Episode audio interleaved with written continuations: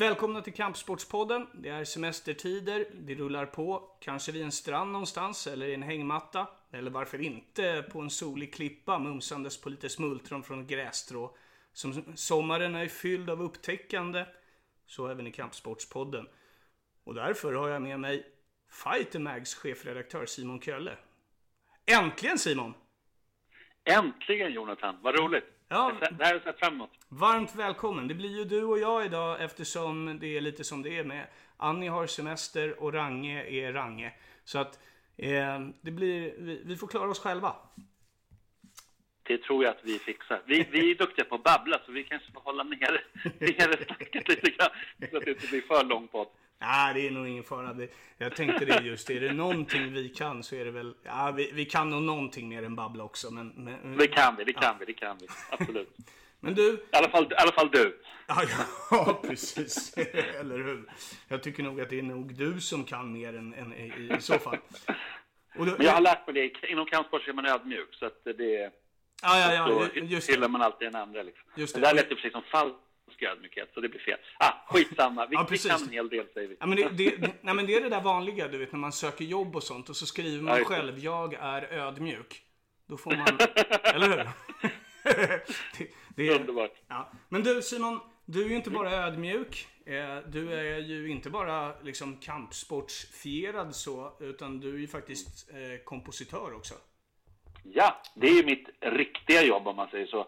Ja. Eh, filmkompositör och filmproducent. Eh, så jag började som kompositör, sen så eh, liksom gled jag in på det, på att producera mer och mer. Så att nu är jag väl kanske 70% kompositör, 30% producent om jag måste sätta procent eh, på det, ungefär. Och vad, vad är liksom, för det är ju två delar i en där också om man säger så. Jag menar Ja. kompositör är en sak och film är en sak. Var är din, liksom, vart ligger ditt hjärta? Alltså mitt hjärta ligger i att berätta, berätta historier, berättelser. Alltså det är genom musik eller genom text och sådär. Och eh, det är så jag faktiskt, nu är jag här under kampsportspodden och det är så jag alltid har sett på kampsport också. För mig är det hela tiden historier. Eh, och det kanske inte när man själv fightades. Då, då såg jag inte det som någon historia, utan då är det bara så här, då vill man vinna. Jag är ganska tävlingsmänniska i grunden, liksom, ganska. Understatement av det, jag är en tävlingsmänniska, punkt slut. Men eh, då vill man ju bara vinna. Men sen så, när jag tittar på andra, då har jag liksom inte alltid varit intresserad av historien kring det. Och minst lika intresserad av det som eh, ibland själva matchen eller träningen eller klubben eller sådär. Jag är liksom, ja, men jag gillar historier. Så var berättar man en historia bäst då? I, I en film eller i en komposition om man säger så? I musiken till det. Oh, helst en musik i en film. Ja, bra. Kombo där i så fall. Nej, men alltså det är ju... Det, jag är fascinerad av team, liksom alltså själva teamet, själva lagarbetet och eh, älsk, alltså älskar jag verkligen musik och det, så det kommer jag alltid fortsätta med. Jag ser inte ens framför mig att jag går i pension någon gång, utan om jag håller mig frisk, peppar peppar, så, så blir det ju stor inspiration. Ennio Morricone, Rest in Peace, eh, som blev 91 år gammal och jobbade ända in i slutet. Liksom. Det, det är lite så, det är min romantiska bild av det. Men det är väl kanske också så i de kreativa sfärerna där det är ju inte riktigt ett jobb eh, i den meningen utan det är ju mer en livsstil. Det är ju alltså eh, en, en, en kärlek på något sätt. Och, och, ja, ja. Och så länge kärleken är, är besvarad så kommer den ju finnas där. Ja, ja men verkligen. Och det, det... Ja, nej men så det, du satte fingret rakt på det. Det är precis det det handlar om. Det är en kärlek och det är och någonting som jag alltid har följt och jag uppmanar verkligen alla andra, eller gör vad ni vill, men min uppmaning till alla det är ju att följa sitt hjärta. Det låter väldigt pretto kanske eller banalt, men, att, men många gör inte liksom. Följ ditt hjärta och kör, köra sin stil. Det, det är därför jag någonstans jag höll på med jättemycket med kampsport som barn, jag vet inte om du kommer kom- hinna komma in på det, men och sådär. Och sen senare i livet kom jag in på eh, he, det som blev HEMA. Höll på med det nästan, inte riktigt 20 år, men mellan 15 och 20 år. Och, eh, och det hann förvandlas till att bli HEMA och vi kom på det namnet och allting sådär. Jag ska inte ta cred för det, men det kom på och liksom bildades och allting. Och samtidigt ytterst inspirerad och så av MMA förstås och allting. Men då började det bli liksom då började jag förstå att men här, kan man, här finns det liksom berättelser och här finns det någonting. Jag vill liksom hänga i och hänga med och, och vara en del av och försöka se, se bortom sensationen på något sätt. Det var det som började locka mig och, och då när jag började skriva då någonstans 2008 eller något sånt där, då 2007, 2007 måste det varit, då fanns det liksom inga sajter direkt. Det fanns ju Fighter Magazine och tidningen mm. eh, som har funnits sedan 80-talet. Men annars så, så, var det ju väldigt dåligt med det. Och då, så då började jag skriva på liksom en amerikansk sida och sen började de komma de här svenska och, och då lärde vi oss ju på jobbet. Mm. Hela tiden. Och det var precis det jag gjorde. Men, men jag fällde liksom ett hjärta och det är det dit jag vill komma. Att jag tror att man ska göra det. Och jag tror att många kampsporter är det. Därför håller man på med kampsport fast man är fast, inte fast, men man kan vara 60 år eller vi har ju, det vet, brukar du prata om, det kan komma ner folk till klubbar som är liksom 40 och det händer inte i fotboll. Det är väldigt sällsynt i alla fall. Eh, och framförallt att man också kan bli ganska bra på, på det. Liksom, du blir inte en jättebra fotbollsspelare om du börjar när du är 40 liksom. Det är här, du bör börja när du är 7 eller någonting. Mm. För att kunna bli bra, eller hur? Ja, det är, det är ännu svårare skulle jag nog säga i exempelvis liksom så här, eh, idrotter där du mm. på något sätt måste lära dig en grund när du är ja. barn. Eh, för att du ska kunna eh, utveckla. Jag tänker mig så här, konståkning, jag tänker mig mm. hockey, jag tänker mig eh, ja, fotboll. Alltså det är det är, det är så många saker som du egentligen ja. behöver lära dig som barn också. Just för ja. att du ska kunna växa tillsammans med det. Och det tycker jag är det fina. Jag kommer ihåg, eh, jag kommer ihåg när jag var ny inom kampsporten. Det är ju 11 mm. år sedan snart. Eh, men, mm. Då kommer jag ihåg vilken, eh, vilken ögonöppnare idrotten var för mig. För att alltså, ja. Jag hade ju kommit ifrån idrotter där jag i princip bara tränade med pojkar födda 81. Eh, liksom. Just det, såklart. Mm. Ja. Så att för mig var det en helt ny sak att liksom, jag kom ner i en träningslokal och så stod det en lite äldre man och en yngre tjej och, en, och liksom några i min ålder eh, i olika kön och jag tänkte, när fan börjar mitt pass då? Eh. Underbart. Ja, när fan kommer gänget liksom som jag ska träna med tänkte jag. Och jag var ju så starkt förknippad med att liksom, här kommer mitt gäng, här är vi. Det, det är vi som är liksom i, i, samma ålder, det är vi som tränar. Det är inga konstigheter och det är också vi som sen ska spela match också. Och här behövde ja. man ju inte ens träna för att spela match, utan här behövde man ju bara träna för sin egen skull om man nu ville det. Ja.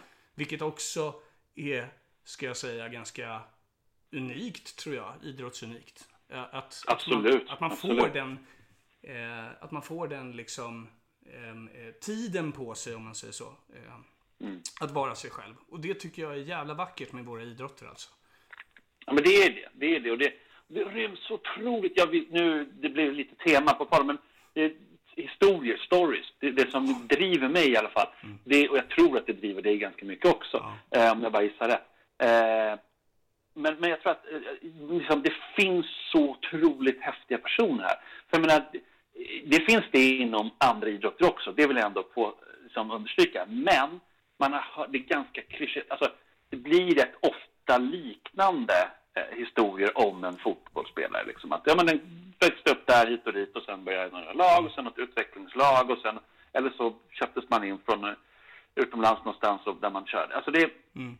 Ja, vissa kommer från enklare omständigheter, vissa kommer från... Absolut, det, det är ju liksom klassöverskridande idrott på ett sätt. Det är väldigt kul. Mm. Men inom kampsporten så finns det liksom allt. Jag menar, bara titta på eh, en annan sån här eklektisk person som, som länge var ordförande hos er. Jag tänker på Stefan Stenudd. Jag menar, det är ju så här, det är ju en, det är en väldigt speciell människa liksom. Mm. alltså, det är otroligt unik person ja. som håller på med massa konst och skriver och med, du håller på med poesi. Alltså det, det, det lockar väldigt många spännande personer. Eh, kvinnor, män, mm. tjejer, barn, alla liksom. Mm. Och det är så jäkla roligt och ja. Mm, ja det är väldigt det, välkomnande. Det är fascinerande. Det är, fascinerande. Ja, det är väldigt välkomnande på det sättet också för att ja. man känner sig aldrig riktigt jag har aldrig gjort det i alla fall. Eh, eh, att, att jag har känt mig på något sätt udda eller att jag har känt mig nej, utanför. Nej. Eller, alla har varit liksom väldigt tillvägagångs... Alltså väldigt väldigt vänliga, snälla, Mm. velat väl, eh, har, har en ödmjuk tonalitet och har en Mm. människosyn ofta, skulle jag vilja påstå, som är väldigt öppen. Att man... Mm. Eh, eh, Medan när du, när du har lagidrott så ska du liksom passa in i ett pussel på ett helt annat sätt. Och då Mm. är det liksom... Då är det den här vägen som passar bäst, tycker någon, för att man ska nå det Ja. där målet någonstans. Det vill säga, vi, vi ska vinna vår match på lördag. Liksom. Och, då, Mm. eh, och då behöver vi den här spelartypen för den här positionen. Och Just det, exakt, exakt. Men hos oss Jo, men det, det, är en, det är också en del av historien. Jag tycker att, det där, det där håller jag med dig om. Och det är, det är unikt och det tycker jag man ska vara tydlig med. Men det är klart att det har funnits och finns väldigt mycket konkurrens mellan klubbar. Det finns ända fram tills egentligen MMA skulle jag våga påstå eh, så var det ju hemlighetsmakeri mellan klubbar. Alltså otroligt. Man fick inte träna och så var det ju även med MMA. Jag, menar, jag kommer ihåg David Bjärkheden fick inte träna på Pancrase. Alltså, nu är det en helt annan stil. Och, och, och, eller kanske var tvärtom, man fick inte träna på Hilti om man inte tillhörde. det. Det var mycket sådär att eh, det, det var genomsyrade väldigt mycket kampsporten.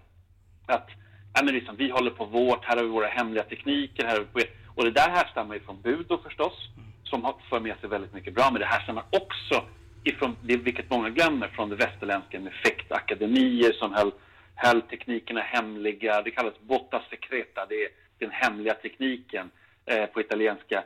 Eh, som varje skola hade liksom en teknik eller ett par som de, som de lärde ut som var liksom hemliga. Och det, det är klart att det har funnits kvar någonstans. Plus att kom hit och så här, vissa som eh, lever på det som vill tjäna pengar och liksom om man kan lika gärna gå- på till klubben eh, nedanför eller nere på hörnet så, så kommer inte någon komma till den klubben. Men det roliga är ju att det här, det här håller på att försvinna bara mer och mer och mer och det är något annat som man behöver göra eh, liksom för att få folk att komma ner till klubben. Det behöver inte alltid vara, alltså titta på Bärsärk MMA till exempel som jag allt, ofta brukar ta upp som exempel. Världens, en av världens snällaste klubbar. Alla är så jäkla snälla alltid. Där kanske inte fokus ligger på att vinna alla tävlingar liksom. I en ganska klassiskt i alla fall sett machosport som MMA där, där, har varit, där det handlat väldigt mycket om att vinna eller försvinna. Liksom. Det var, det, för det var ju så man labelade det på 90-talet. Liksom. Så kommer det klubbar nu som Bärsärk och har, har funnits nu under tio års tid som har en helt annan agenda. Liksom. Och det är så jäkla mysigt. Att, men jag vill ändå påstå, på, för det, det är dumt att, tycker jag, att bara också säga att ja, men det är så öppet och det är så härligt och alla får vara med. För det, så är det. Men det finns ju en annan sida också. Jag har alltid varit intresserad av det här. När, någon, när du säger så här, så här är det, då vill jag säga okej, men om man vänder på myntet, vad, vad, vad finns det där? Liksom? Mm, Det, är lite, det, har det har varit lite min ingång i kampsport, vilket gjorde att när jag började skriva så fick jag ju jag gjorde en massa tabbar och skrev konstiga saker och allt möjligt, men också gjorde massa bra grejer och fick väl beröm för det också. Men just för att jag ville hela tiden eh, sätta liksom strålkastaren på det där nästan ingen annan satte strålkastaren. nej. Det är det. Nej. Och det är just det som är så häftigt, det finns så många historier. Budo och kampsport finns på folks eh, agendor och munnar Mm. eh, i, i högre utsträckning än vad det gjorde förr i alla fall. Ja. Eh, eh, tänker jag mig. Eh, och, Ja, absolut, absolut, 100 procent. Ja, och då, och då tänker jag mig, då är vi på den nivån då liksom för att vi ska nå ännu längre ut, ännu längre fram, ja men då, då är det inte värt att vi håller på och dividerar eh, sinsemellan liksom så mycket. Utan det är bättre att vi Absolut, lägger den, nej. den kraften på att dividera uppåt. så att vi tar ännu mer plats liksom. Så att vi blir Mm. ännu större och så att vi kan visa det fina med våra idrotter ännu mer. Det vill säga det du säger att en 40-åring som aldrig hållit på med någon kampsport Mm. kan komma ner och börja träna aikido eller MMA eller thaiboxning eller vad som helst. Och man kan bli bra på det. Ja, man kan bli bra. Det är det som är så roligt. Ja. Det, det, det är inte så lätt i andra sporter. Men, nej, men det är så. Det, och det är väldigt... Alltså, det är ju, jag, vi behöver inte hymla med det. det. Det är mycket politik i idrott i världen. Eh, liksom understatement av det lite grann. Det, det, och det är otroliga liksom, maktstrukturer. Och sen tricklar ju det ner och så blir det såklart mindre här i Sverige och allting sådär. Men jag känner väl lite så att vi... Någonstans så uppfinns lite grann hjulet här. Och det är så här, jag menar när du, du, jag tycker du är värd så jäkla mycket cred Jonathan. Jag tror inte alla fattar liksom. Jag kan ju passa på att ge dig cred nu för att vad du har gjort och vad, för det, det, det låter, ja men vadå, du skriver lite om, du, du peppar liksom fighters och Nej, men det, det, är så mycket mer. För att det handlar om att hitta ett lingo, det handlar om att hitta historier, det handlar om att hitta intresset liksom, och legitimitet. Och min brorsa är ju alltså, Pierre Jonsson på uh, Svenska Spel, mm. där känd person på Svenska Spel som är vinnaren och sådär. Så jag pratat ganska många gånger med honom om det här och liksom att det, var, det, har ju utvecklats mer och mer och nu har ju de börjat liksom med lite spel och sådär. Vi ska inte göra någon reklam kanske men liksom du vet, på MMA, lite kampsport och så. Det börjar, börjar komma mer och mer och jag menar ni har ju fått pris från, från uh, dem tidigare, mm. uh, liksom ett par, två gånger va? Eller hur? Mm, ja. Stipendier och grejer. Det är, eller en, uh, hur är det? På Idrottsgalan tänker jag på. Ja, ja eh, prispallen. Det är ju, inte, det är ju ja. egentligen inte vi som förbund så. Eh, eller Nej. det är ju vi. För det, är våra, alltså det, det, handlar ju om våra idrottare som vinner så otroligt mm. mycket medaljer. Eh, och eh, då vinner vi ju, vi har vunnit flest medaljer eh, i hela idrotts-Sverige i, i många år liksom nu. Och då har vi blivit uppmärksammade tack vare att Svenska Spel startade det här eh, projektet, Prispallen. Och det är ju vi väldigt tacksamma för. Ja men, det, ja men, det, är klart att det är det. Men det är också så här att kamp, folk har ju alltid sett, tror jag, på kampsport. Nu pratar jag väldigt generellt. Inte ja. vi som har hållit på, som alltid har hyllat det. det. Det är liksom ungefär som en nördkultur. Det är så här, de hyllar, hyllar ju inom den genren, liksom hyllar, hyllar ju sitt och tänker att alla håller väl på med den här schack eller vad det nu kan vara. Så att schack är nördigt, men nördigt för positivt idag. Men, men det är som var en kan vara live-rollspel, vad, vad man nu än håller på med för liksom nördigt. Måla tennfigurer.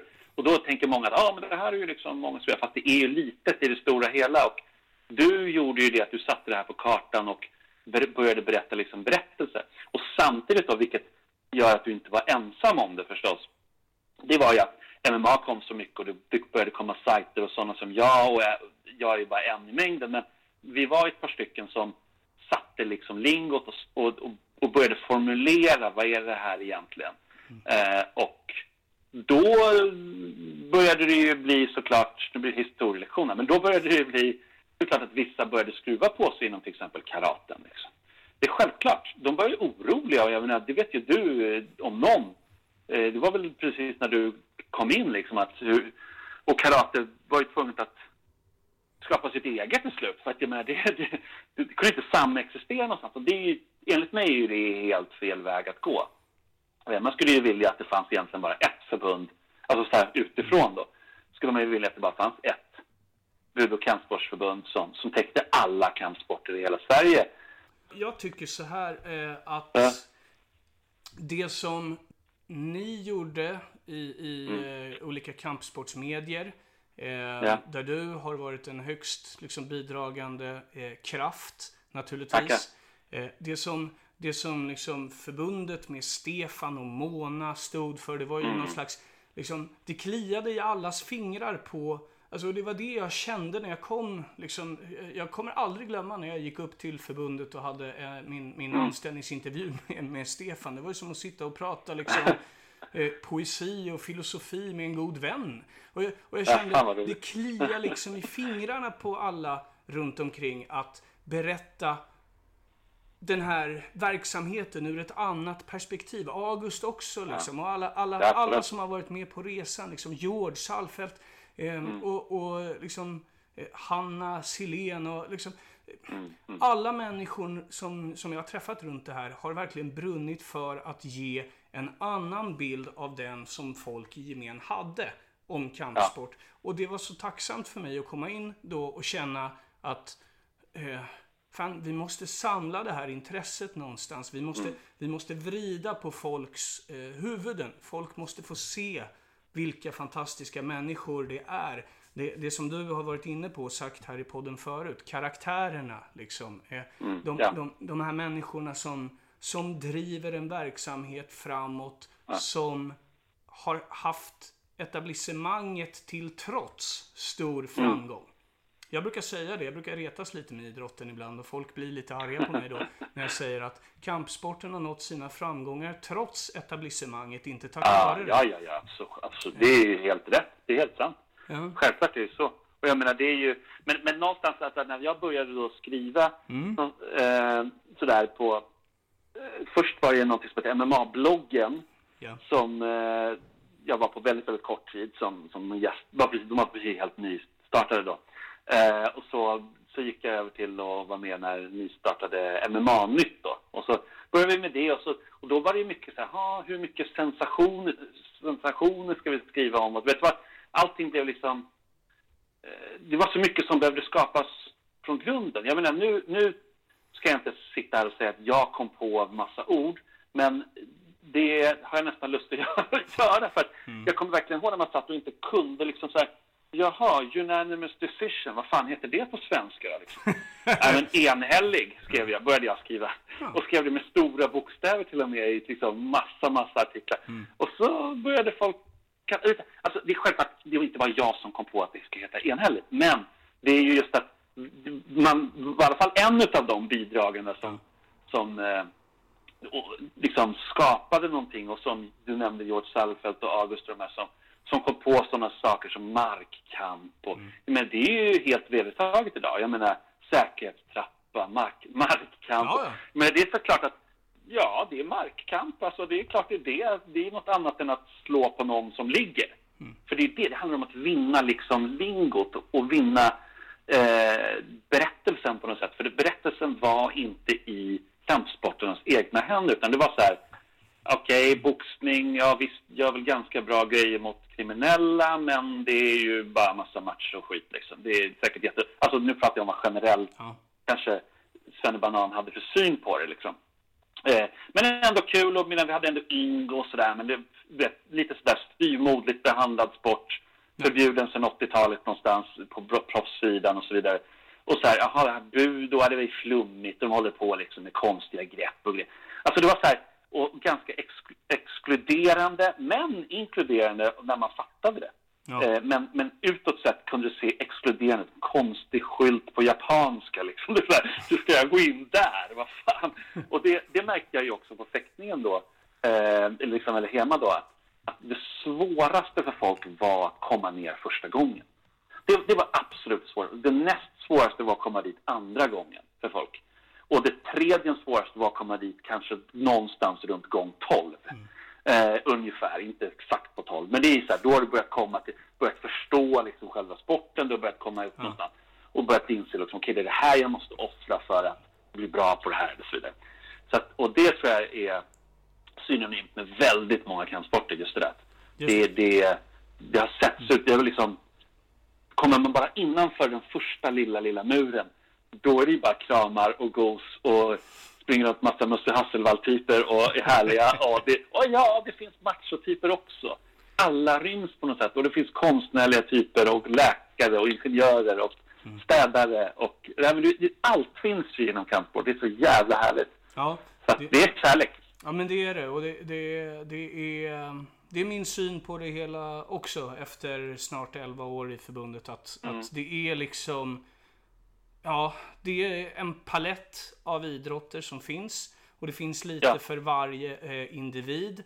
Eh, det är klart, det är svårt att säga att är du intresserad av bollsporter, ja då, då, då är det nog svårt att hålla på med bud och kampsporter. Men det, alltså inom ramen för personligheter så täcker vårt förbund väldigt många av de personlighetsdragen skulle jag vilja säga. Ehm, Ja. Och det tror jag är en, en fullständig nyckel till eh, liksom förbundets eh, framgång. Men också det här som, som, som jag var inne på, att det fanns så väldigt många människor, alla i princip, som jag eh, har träffat, kan berätta sin historia och de är, berättar den historien om sin idrott så oerhört fascinerande och så oerhört bra. Ja. Och det gör att liksom, eh, det, det, det gör att det finns en hel drös människor som är fullständigt magnifika, eh, eh, eh, vad säger man, ambassadörer. Lite, Ja, lite klyschigt ord sådär, men ja, ta det då.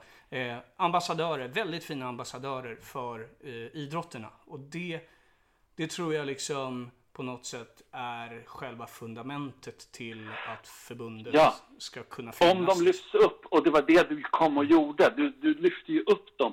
Det är klart att en och annan då, jag nämnde Hasselvall, han är ju liksom en mediaprofil. Klart han lyfter, han lyfter upp sig själv och, och kliver fram och så här.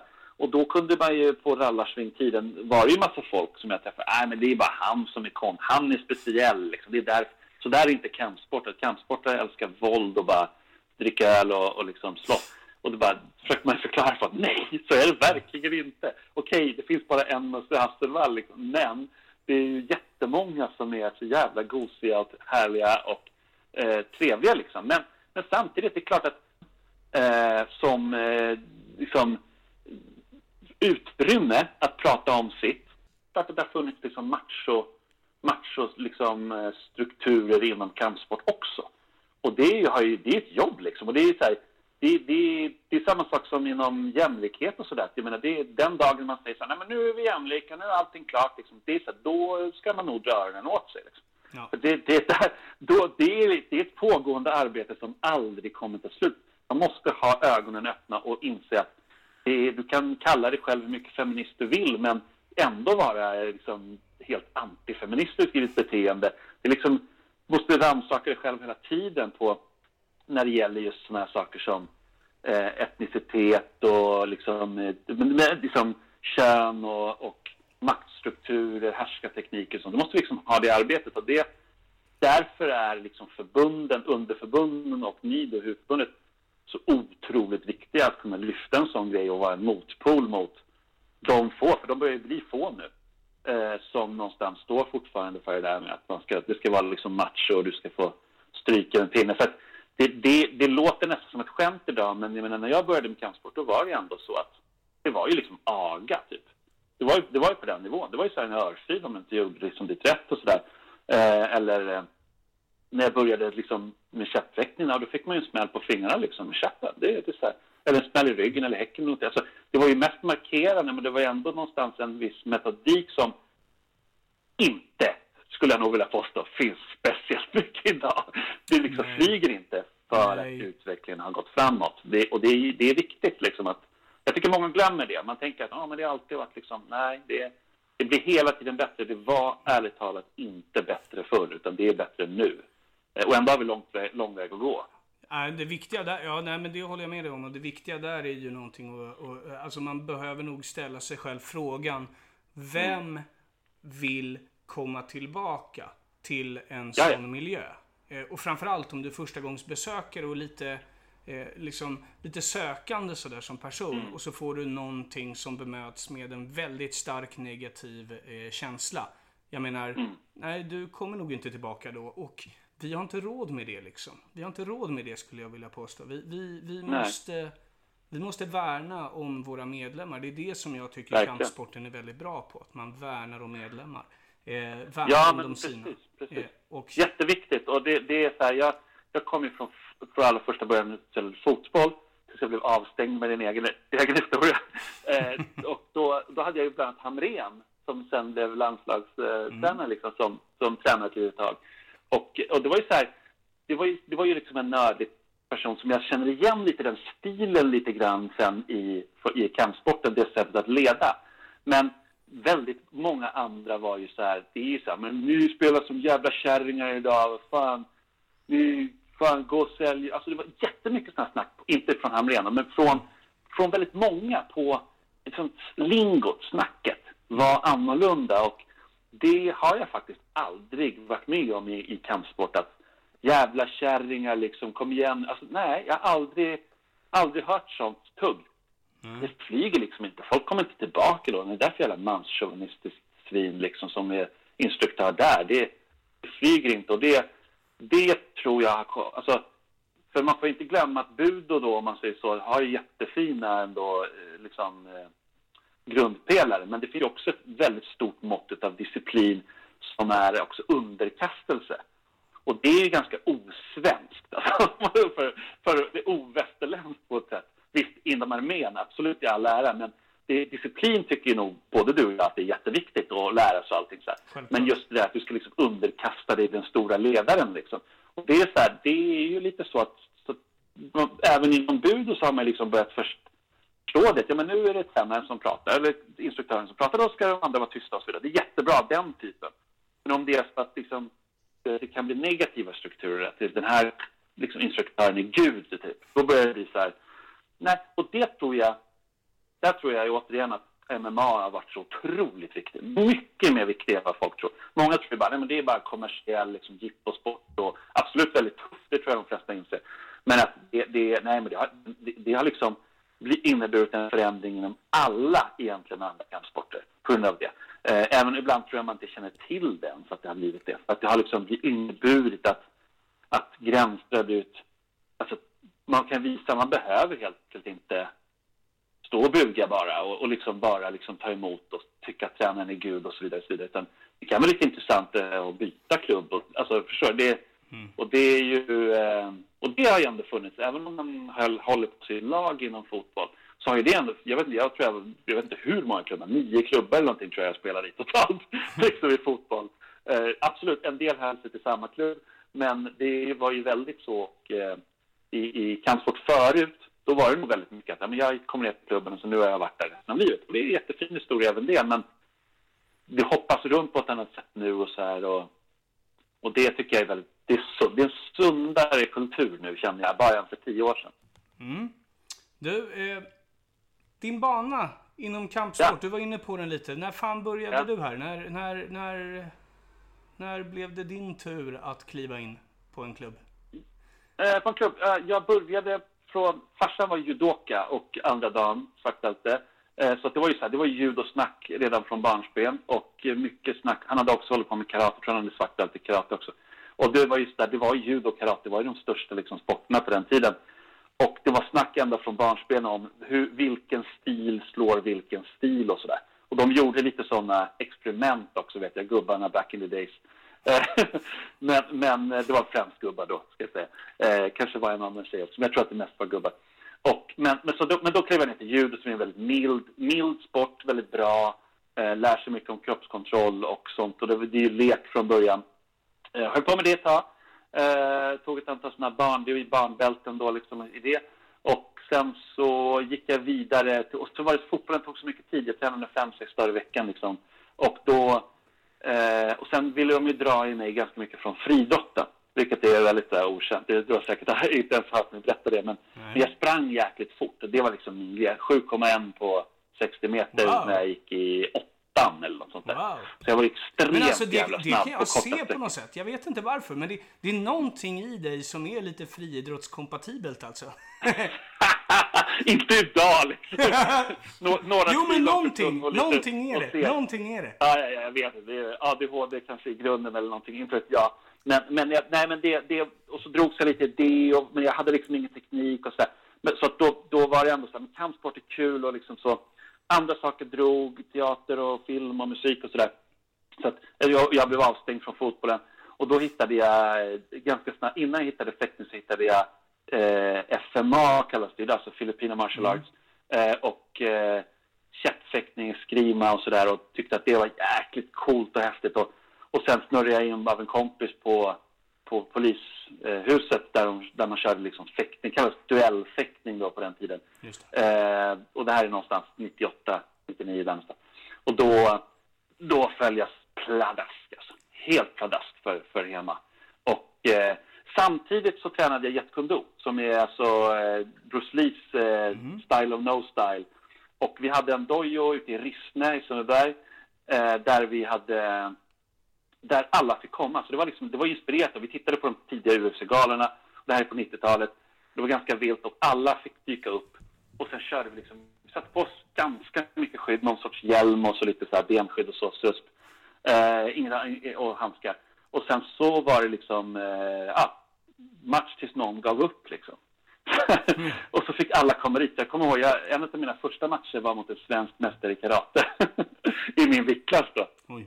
Och det första jag bara gjorde var ju bara double-legga honom. Det hade jag aldrig sett på honom. Visste inte vad en double-leg var han. Och jag hade liksom, lyckades få ner honom på backen och jag kommer ihåg att jag liksom eh, slet av mig liksom hjälmen för att det är omöjligt att grappla med liksom hjälm.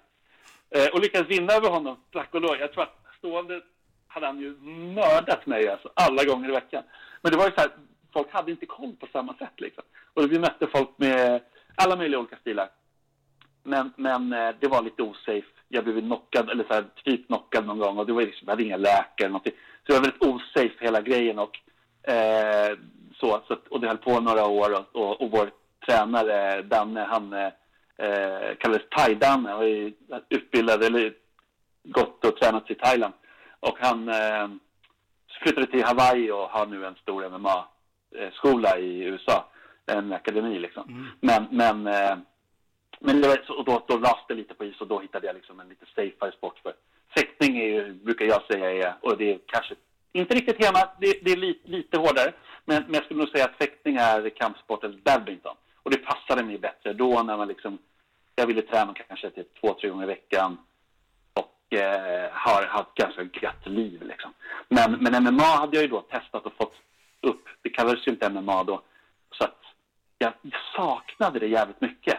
Och så följde jag det blint, jag har sett alla UFC-galor från början och sett jättemycket liksom och intresserade mig för poäng, domeri och alltså så här, allting runt omkring.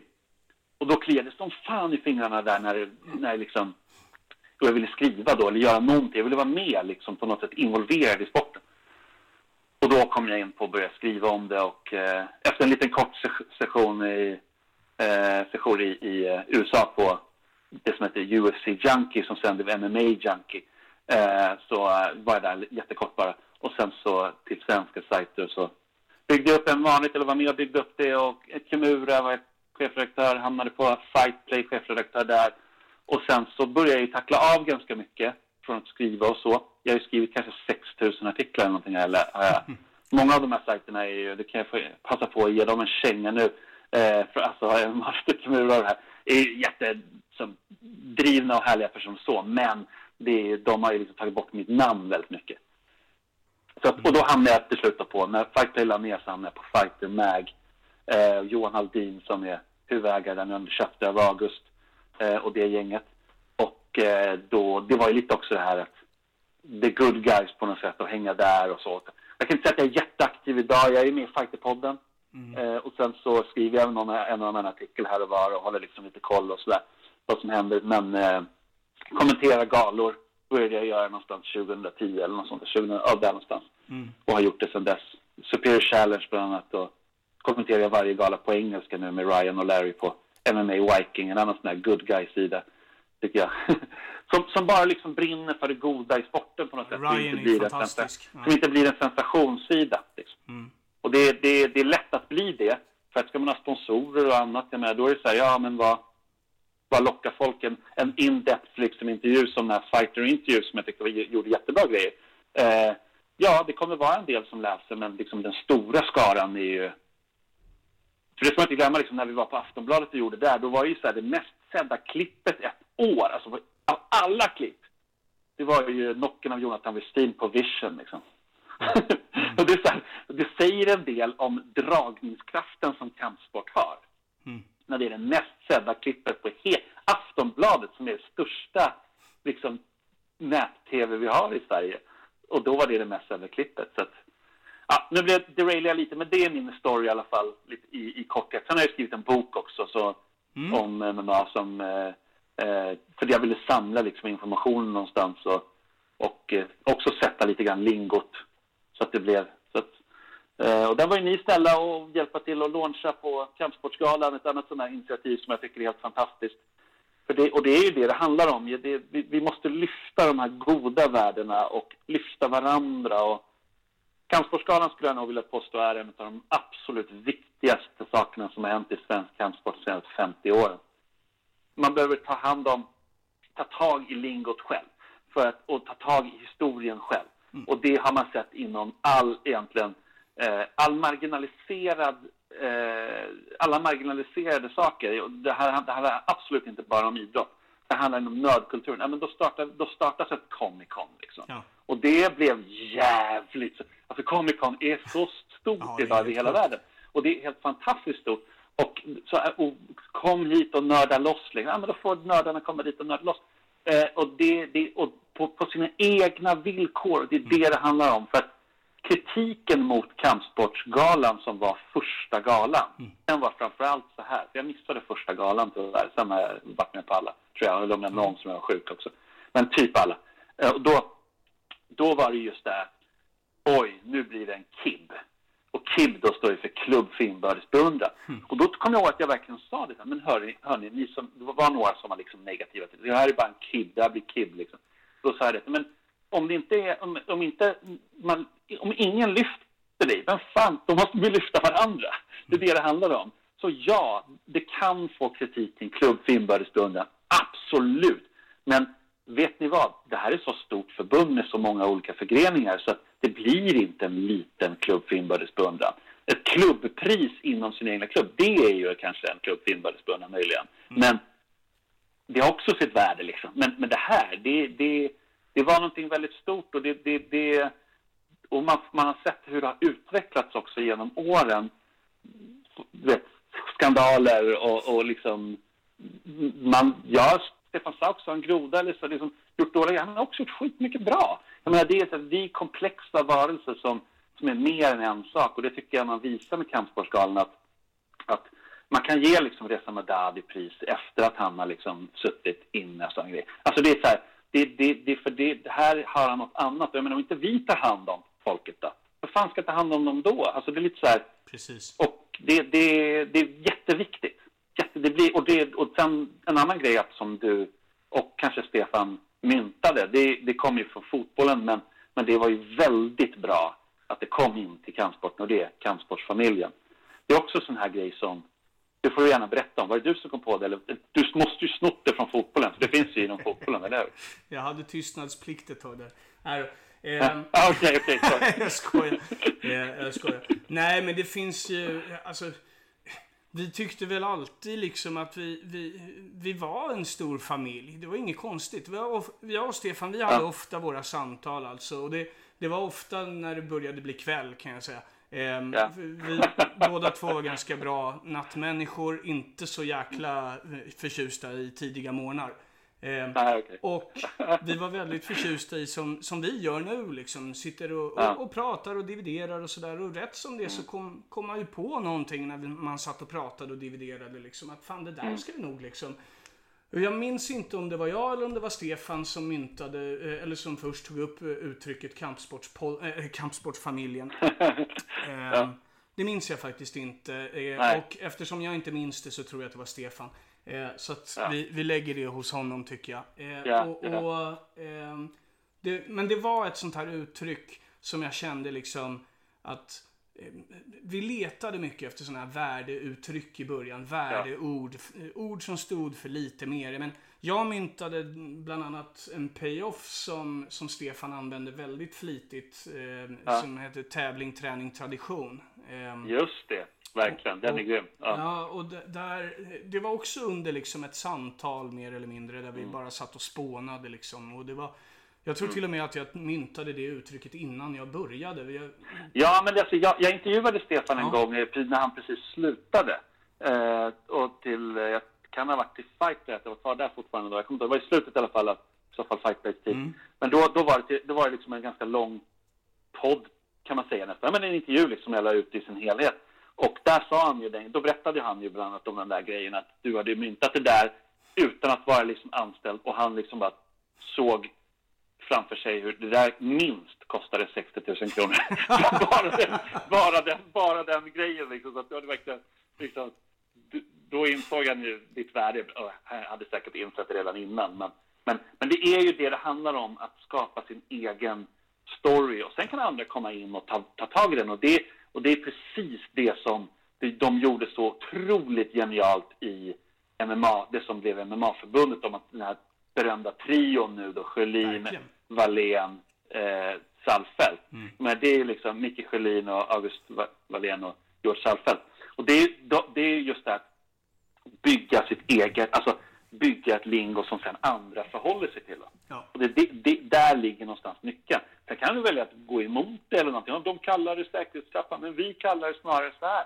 Ja, men då har man ändå fått med det där ordet säkerhetstrappa. Och då börjar man förstå liksom, okej, okay, det är så man börjar tänka. Och det, okej, okay, det kanske inte är så jävla svartvitt allting, att det bara är så. Och det, och, och det kanske inte är så att man måste heller bara vända sig till Aftonbladet, DN och eh, liksom SvD och så här, då kanske man ska titta snarare på liksom TT och titta på, på lokalpress och sådär. Liksom. Det, det som sen kan snappas upp av större medier ibland.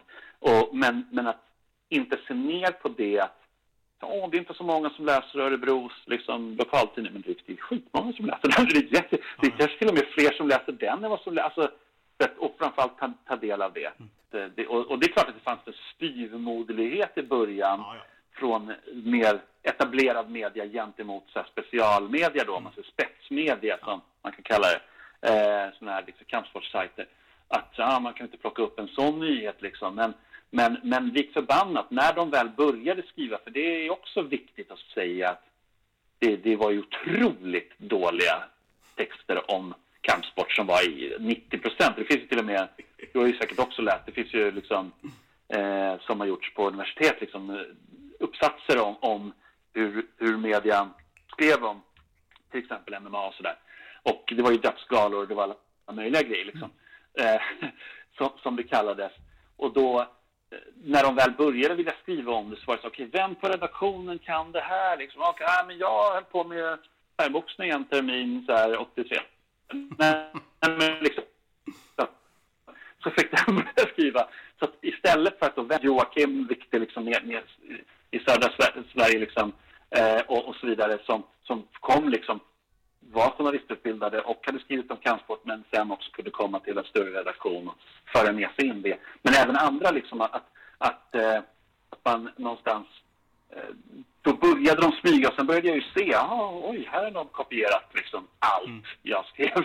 Och det, jag, jag vet inte hur många det är, hundratals artiklar, jag lovar det. Alltså, som, mm. där de har bara rent så här, vet, saxat snott liksom från... Och då var man någonstans lite så här glad. men du vet, och det är helt stört egentligen. Jag menar, det, det är ju som stöld av texter eh, och sådär. Och sen så, och någonstans så blev det, jag vet inte vem det var som sa det, men, men så, så blev det. Det var lite så här profetiskt. Jag tror att det kan vara George, han har varit lite så här semiprofetisk under, under resans gång hela tiden. Ja, han, han är lite Gandalf i sig. Mm. Han sa ju, George Alfred, han sa ju någon gång att men det, vet du vad, ni som nu är de som driver det här och skapar den här liksom historien och, och, och, och lyfter kampsport, det är ni som är eh, de blivande experterna. Det, det, det, vem annars är expert liksom? Det är, så här, och det är klart man kan ifrågasätta, men nu finns det inte en större MMA-expert än Simon i Sverige? Ja, men kanske det gör, absolut. Men som har den bredden och som, har den, som kan så mycket om de olika delarna, då är vi bara ett tiotal som har det. Liksom. Mm. Och så är det, det är liksom fakta. Och det, det, så jag säger det aldrig själv, men om någon då skriver det, liksom, ja, men MMA-experten Simon Kalle, ja men då köper jag det. Då är det så här, då är det ju, då är det ju, eh, då, får, då är det med vilja. För att det är mer det än någon på någon relation liksom. Ja, men MMA, alltså, vi har ju spännande grejer som händer i UFC. Kan vi inte snacka ja. lite om det? Eller, eller behöver du lägga på? Eller behöver nej, nej, nej, inte alls. Vi, vi ska komma in på det tänkte jag. Men det, det, ja. det, vad var det du sa i början? Vi är ganska bra på att babbla du och jag. Vi är väldigt bra på att babbla. Vi är extremt bra på det. Och vi har ju kommenterat ihop också. Ja. Ja, ja när, när jag vi, hade min... Vi kommenterar galor och pratat tre timmar liksom utan problem. ja, nej, nej, men precis. Men det är... Ja, men ska vi gå in på det då lite, UFC som ja, kommer här och ja. de svenskar som, som kommer. Eh, på, det är ju nu på torsdag redan, alltså nu, vi kommer ju släppa det här eh, avsnittet på torsdag, så det passar ju ganska bra. Och då är det ju Shamsat Chimaev som möter John Phillips. Ja, precis. Och, och det, det, är till och med värre än så, vet Jonathan, för det är på natten på onsdagen. Så att det blir ju... Det blir efter, har, det, ja. Liksom, det är, det, det är efter tolv där, så det är därför det blir torsdag. Då. Det men, men det är ju, så, så, när den här släpps då så har den matchen gått av stapeln under natten. Men det är ju alltså Hamzat Chimaev, alltså vargen, han är ju, för det betyder hans nickname då, vargen. Mm. Alltså det, han är ju, alltså det, det, det är sällsynt faktiskt. Det, det är liksom, det är så här, eh, jag är nästan rädd faktiskt, ska jag vara ärlig och säga, för det här. Att han kommer med UC nu, för att han är en sån stor talang. Och när man hör Majdi och Andreas, Michael och så här på prata om att äh, de, de har sagt det helt öppet så här, men vi, han, han skulle nog ge Kamaru Usman, som har bältet då i väldigt, en chans liksom. Det är en jämn match. Då är man ganska hög på en snubbe. Ja. och, och vi som har sett honom tycker ju, jag menar han är ju fantastiskt bra. Men man är, jag är alltid orolig när någon kommer upp och har sån där superhype alltså att kommer den leverera och det är mycket nervositet och, och det är så mycket att eh, han har bara hållit på med MMA sedan 2017. Vi får inte glömma det liksom. Och det är, eh, så det är med viss oro men Phillips, John Phillips kommer han ju, ah ja, det är mer eller mindre garanterat vinna. Han ska vinna över honom, så är det bara, även på kort varsel. Men det är en viktklass över den han brukar fightas på, oftast. Och han, han eh, går in på kort varsel. Så det ska vi inte heller glömma. De har inte kunnat spara jättemycket. Så absolut, jag kommer ha handsvett när jag ser den matchen. Jag vet inte hur det är med dig, men det är... För, det, det här är, det, för de som inte känner till honom så är han ju alltså... Det är ju, han slog ju liksom eh, eh världsmästare i amatörmatch. Alltså han, han är, han är, det är liksom en Zlatan-stil på den nivån. Alltså det är Alexander Gustafsson. Det, det, är liksom, det är de namnen man nästan behöver säga på en person som inte ännu har fått bevisa att han är där. Men som har den talangen. Det är, det är ovanlig det, talang. Ja, det är en av de Håller största... En, ja, jag håller med. Ja, det är en av de största MMA-talanger som, som jag har sett under mina 11 år ja. eh, komma fram. Sen, sen, behöver ju talang inte betyda att man får ut Nej. det alltid. Eh, men jag Nej. hoppas verkligen att, eh, att Chimaev får verkligen. ut allt han... Och, och, får han det, ja men då, då, då har vi ju det du säger. Då, då är det ju liksom eh, Alexander Gustafsson eh, igen. Ja. Ehm, ja, ja. Så att, nej, det är en av de absolut största eh, MMA-talanger som jag har, som jag har sett hittills. Ja, nej, men det, det är fantastiskt intressant och så stabil, liksom, superbra brottning på jättehög... Är man på hög nivå i Ryssland, liksom, ja. då, och de ryska staterna, då är det ju så här, då, då är man på väldigt, väldigt hög nivå. Eh, och eh, så, så, det är klart att, och sen en, en otrolig vinnarskalle. Och att han faktiskt också lyssnar. Jag menar, hans sista match i Brave som han gick, då, då lyfte han ju upp killen och, då, och det är så här, det var nästan, han hade nästan en tuffare match matchen innan det, där han mötte liksom en otroligt hypad annan obesegrad fighter som han slog. Men, men här i den sista matchen då, då, då lyfter han ju upp sin motståndare, springer med honom på axeln fram till Reza Madadi. Mm. Jag tror Alexander Gustafsson var där också och coachade honom.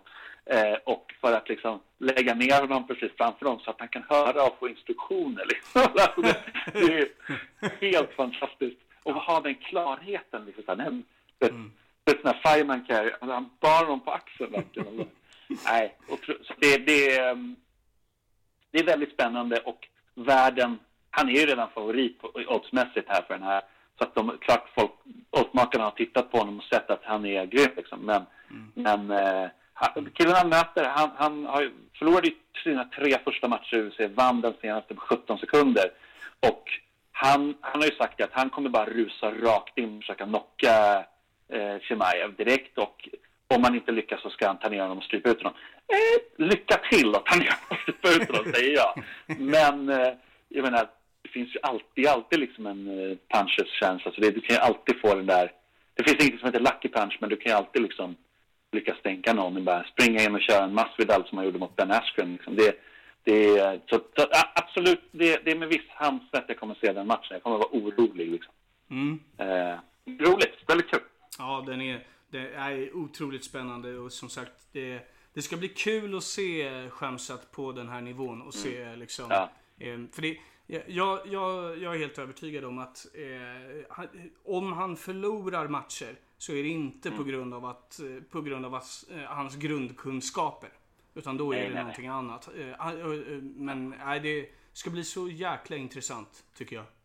Och, och Hamzat har ju varit i Norge också tidigare och tränat med Jack Hermansson. Mm. Som också kommer gå här i, månaden. Han går ju 19 eh, juli va? Eh, mot eh, Kelvin Gastelum.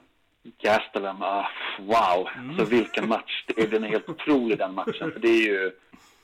Gastelum är ju, jag menar, det är domslutsförlust mot, mm. mot Israel Adesanya. Alltså, han, är, han är ju uppe i en absoluta... Jag menar, bara den här grejen att eh, han vann back-to-back nu. Vann han mot Bisping och sen Jacare. Alltså, det är inga dåliga namn liksom. För, det, för er som inte följer MMA så kan jag säga det är liksom Jacare, världsmästare i för, tag sedan, men ändå, men ingen är liksom otroligt vass fighter. Och sen, och sen då eh, Bisping som var, har varit champ liksom i UFC eh, och nu kommentator.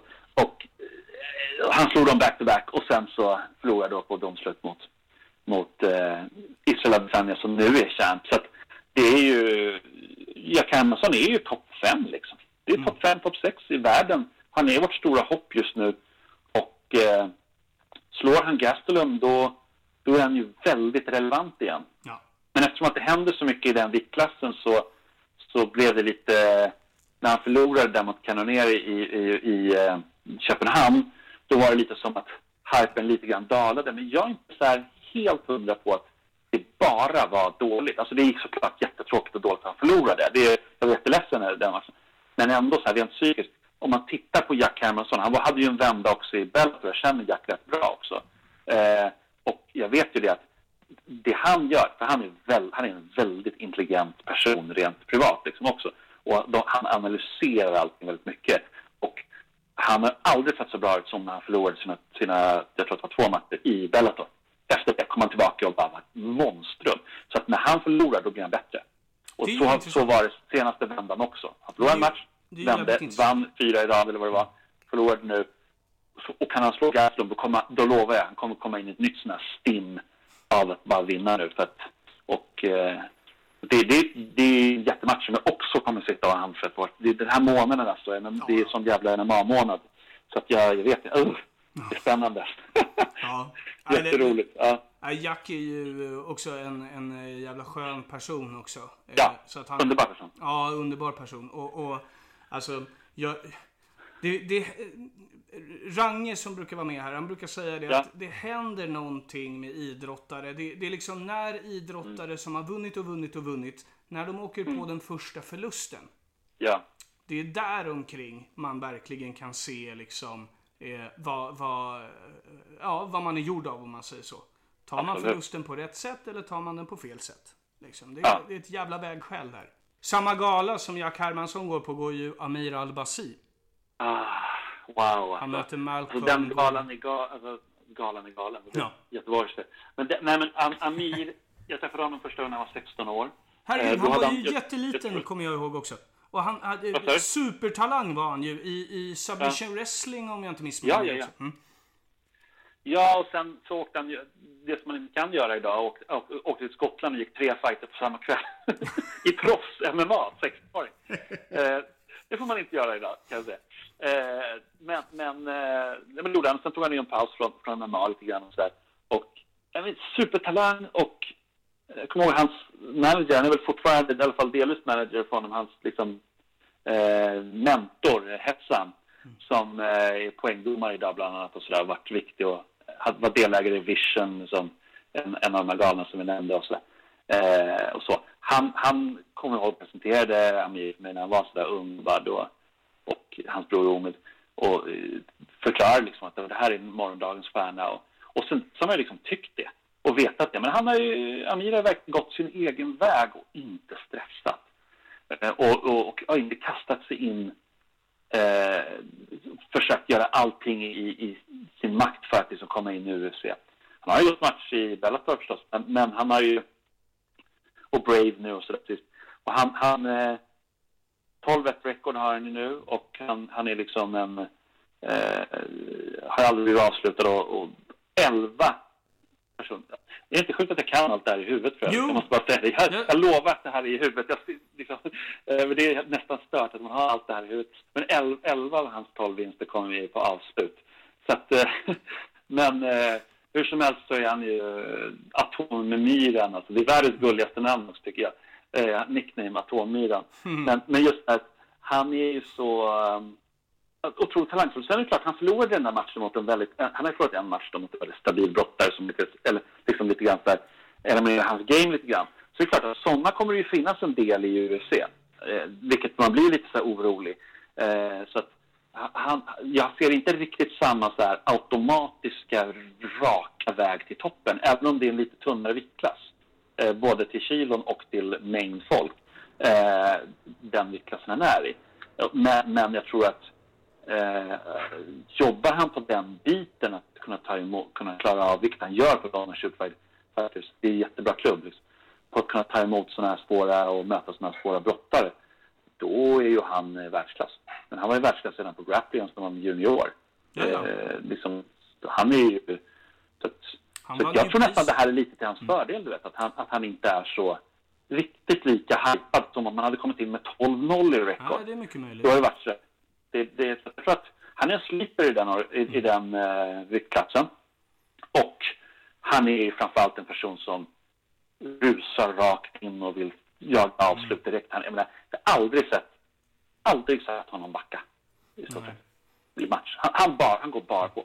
Killen han möter gör exakt likadant. Mm. Så det blir, det, det, det, det, det, det är också debutant. Så det, det, är, det, är, det är väldigt, eh, två debutanter också. Det det är, uff, det är så mycket nerver och liksom, ja. nej jag vet inte det. Åh vilken match, det är så jäkla häftig. Nej men det sjuka är att vi har ännu fler matcher, ja. svenska matcher i ja. juli. Så ja, det får ju, 26 juli. Nästa. Mm. 26 juli.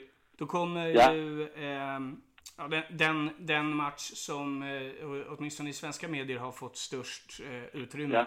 Alexander Gustafsson mot Fabricio Verdum. Eh, Alex som gör comeback men debut. kan man säga. Comeback men debut, ja, ja. verkligen. I tungvikten då. ja, precis. Och det är ju, jag tror att vi, vi alla hoppades innerligt att han inte, han var så känslomässig där när han förlorade i Globen och det var liksom andra gången nu han förlorade där i, i Sverige och på hyfsat kort tid. Och det, det var så mycket känslor och det var ju som att han var på, på mål liksom när han vann där mot Glover Teixeira ja. först och sen så, så gjorde han väl lite som en... Man såg att... Jag undrade lite vart är hans glöd när han mötte eh, liksom eh, Blahovic, eh, vet, eh, Jan Blahovic och, och vann den matchen. Men då, då var liksom inte...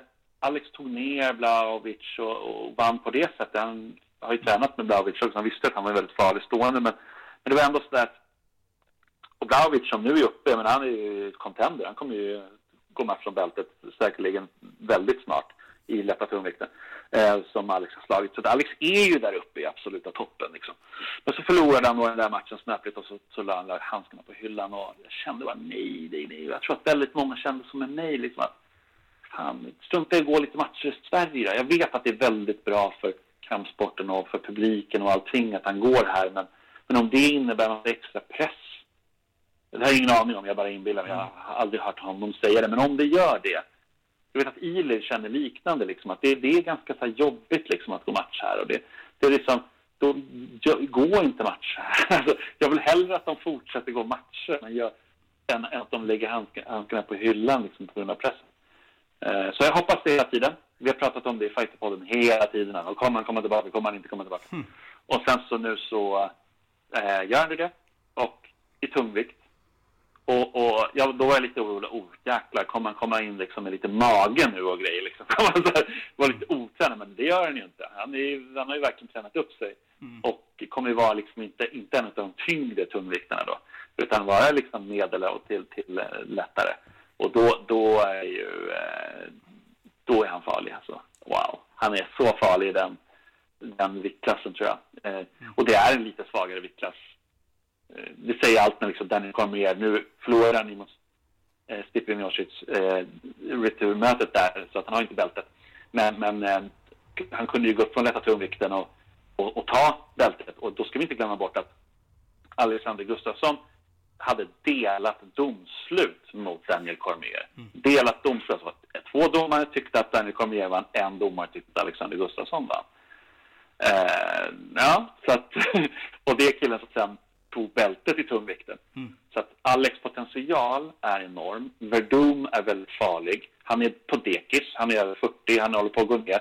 Eh, i, det är slutet i hans karriär, men han är gammal världsmästare i brasiliansk jujutsu och ska inte underskattas stående. Han kan knocka någon och han har en väldigt farlig spark bland annat som är helt livsfarlig, som lätt når upp till Alex, även om Alex är lång så spelar det inte någon roll för Verdum. Och den kan komma från ingenstans. Den kan vara lite loj i två ronder och sen kommer den där sparken och bara klipper till och så sitter den. Så man kan aldrig räkna bort en sån som Verdum.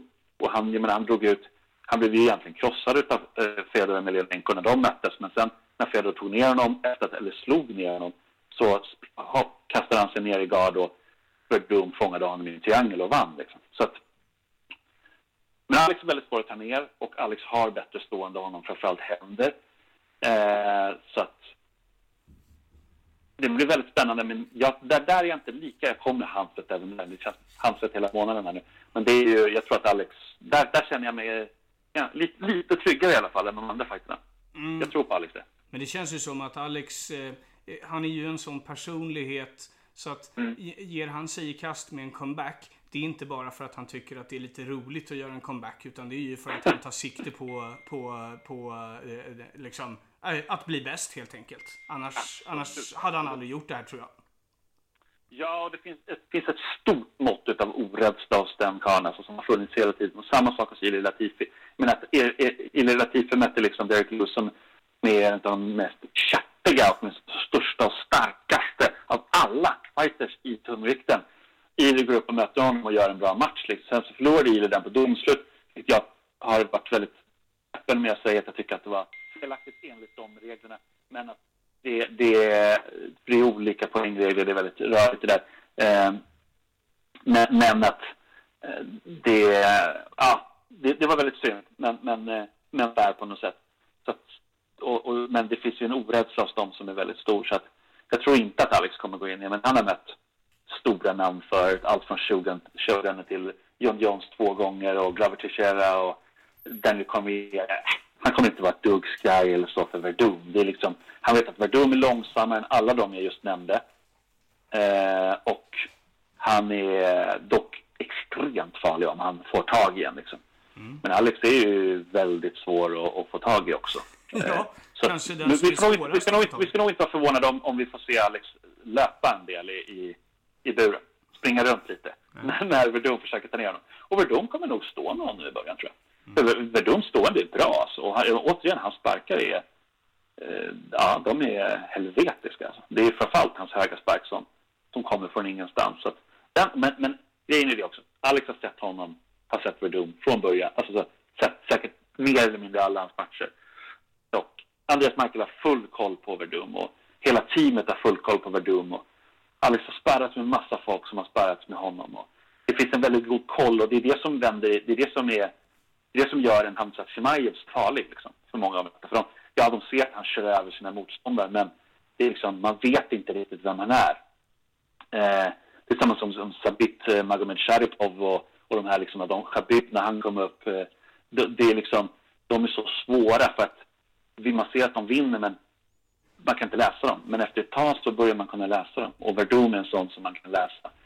Eh, å andra sidan, hör till, hör till analysen, så kan man också läsa Alexander Gustafsson. Man vet ju vad han kommer göra. Han kommer ju boxas. Och han kommer löpa. han kommer boxas ännu mer. och kanske slänga någon spark, liten sådär, för att liksom visa att han, han ändå har en låg spark. Eh, han brukar inte sparka speciellt mycket. Och sen kommer han ju vara bra i clinchen. Han är alltid bra i clinchen. Mm. Och eh, ja, sen kommer han fortsätta boxas. det är liksom, han är väldigt starkt boxningsgame liksom. Eh, så att eh, det, det, det känns ganska uppenbart. Vi, vi, vi, så vi, båda vet ju liksom om varandras styrkor och svagheter. Vi har en match till ju med en svensk. Ja. Vi har eh, på samma gala som Alex går. Det är ju Panik Jansad som möter Beth Korea. Ja, ja vad ska man säga där? Eh, Betch, hon är ju tuff, svår motståndare, vin, vinner och förlorar. Eller, alltså, lite så här, hon är lite, man säger, kallar det journeyman i för det kanske inte passar över med Jenny Woman då eller någonting i hennes fall. Hon är lite sådär en, eh, eh alltså en gatekeeper lite grann. Man måste liksom slå henne någonstans. Samtidigt så har hon varit uppe och mött liksom de bästa i världen. Så att det, det är orättvist att kalla henne en gatekeeper egentligen. För hon hade potentialen och när hon kom in så trodde ju många att hon kommer kunna ta bältet. Liksom. Men, eh, men det hon har blivit är ju det. Och eh, samtidigt är det absolut inte någon sån här måste-match för Panja att hon måste vinna den och så vidare. För Panny vann ju sin senaste match och Panny är, det här är en hobbyanalys från min sida, men jag tycker ofta att Panny är bäst när hon precis kommer från vinst. Eh, hennes svagaste period var ju då när hon förlorade back-to-back matcher i Invicta. Och då man känner inte igen henne liksom. Men hon är på en väldigt bra plats. Hon verkar vara på en väldigt bra plats privat. Och det är viktigt. Hon är en humörfighter. Mm. Eh, extremt mycket. Eh, och vi har ett antal andra sådana fighters eh, i Sverige som är väldigt tydliga så humörfighters. Hon är verkligen tydlig sån fighter som, som eh, när hon mår bra i livet och, och det går bra liksom någonstans, då är hon i, i världsklass. Absoluta världsklass. Eh, när hon inte är liksom hungrig på och sådär, då, ja, då är hon inte riktigt det. Då är, då är, då är hon steget under.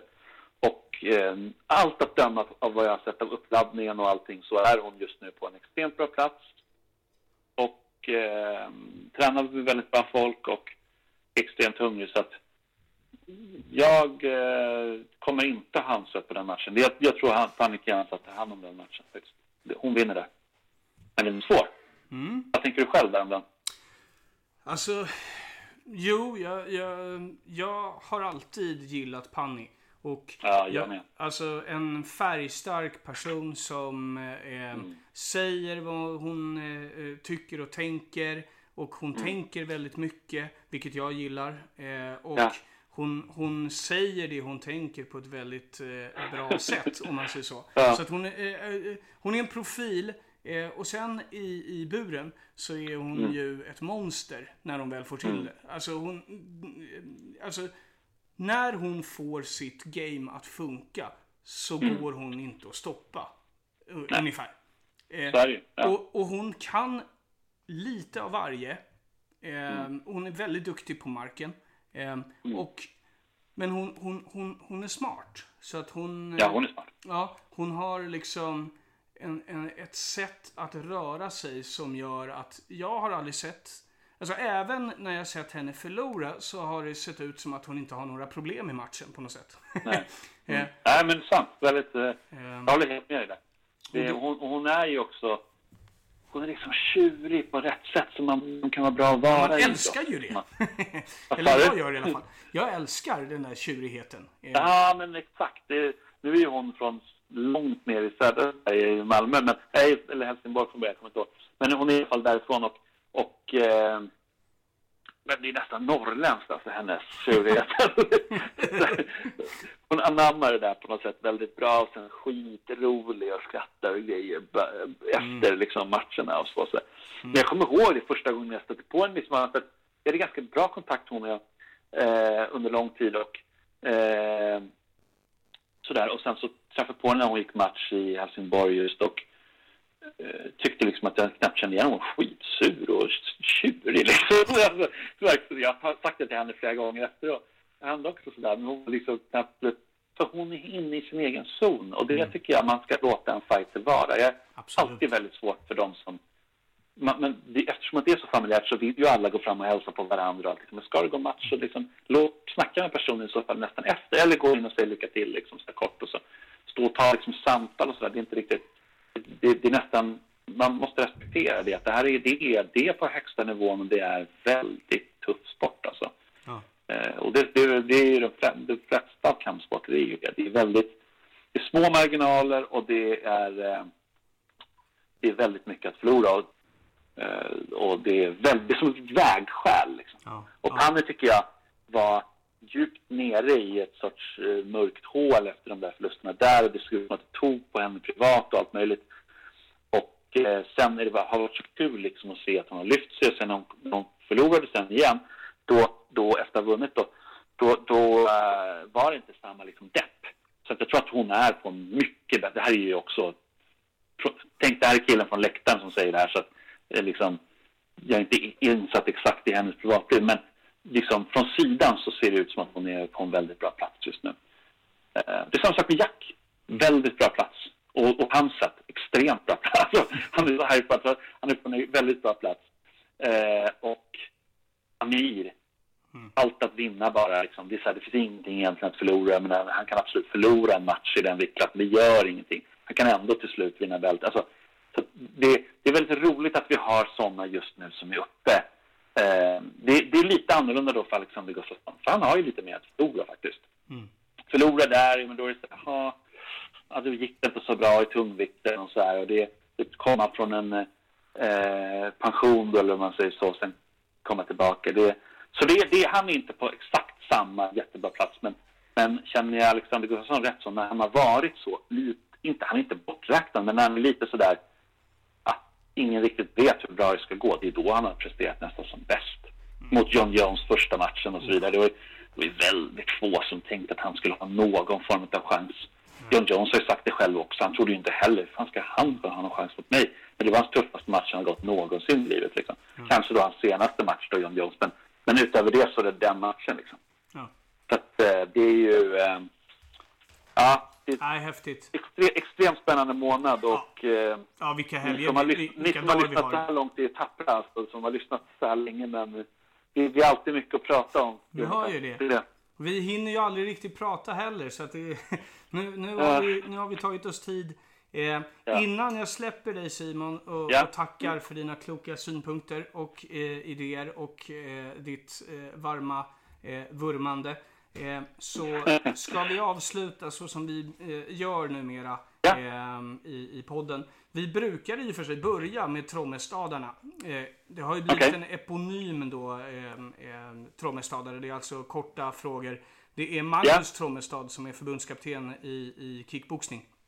Ah, Eh, cool. det, är, det är han som... Eh, han, och Kenneth Range satt och, och dividerade på en kampsportsgala om podden. Okej. Eh, de Ah, satt roligt. bredvid varandra då på en gala. Så Trommestad sa det, bör, ni inte ha små korta frågor som ni ställer till alla? Just det. Eh, Ja, det är och, jättebra. och då snodde vi det och så kallar vi det för trommestadare. Och eftersom det är sommar så kallar jag det för sommartrommestadare. Perfekt. Ja. Ja. Så vi sätter igång då Simon, avslutningsvis. Sol och värme eller sommar, regn och åskväder? Eh, just nu sommar, regn, åskväder, tack. Havs eller sjöbad? Eh, havs. Sandstrand eller klippor? Eh, klippor. Smultron, jordgubbar eller blåbär? Blåbär. Var är du helst under sommaren?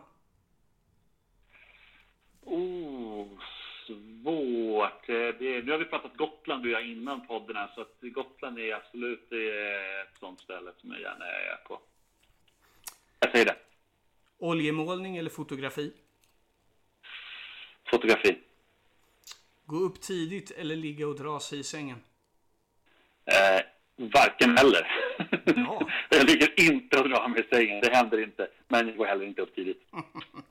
Avslutningsvis. Är hängmatta överskattat? Eh, ja. Bra!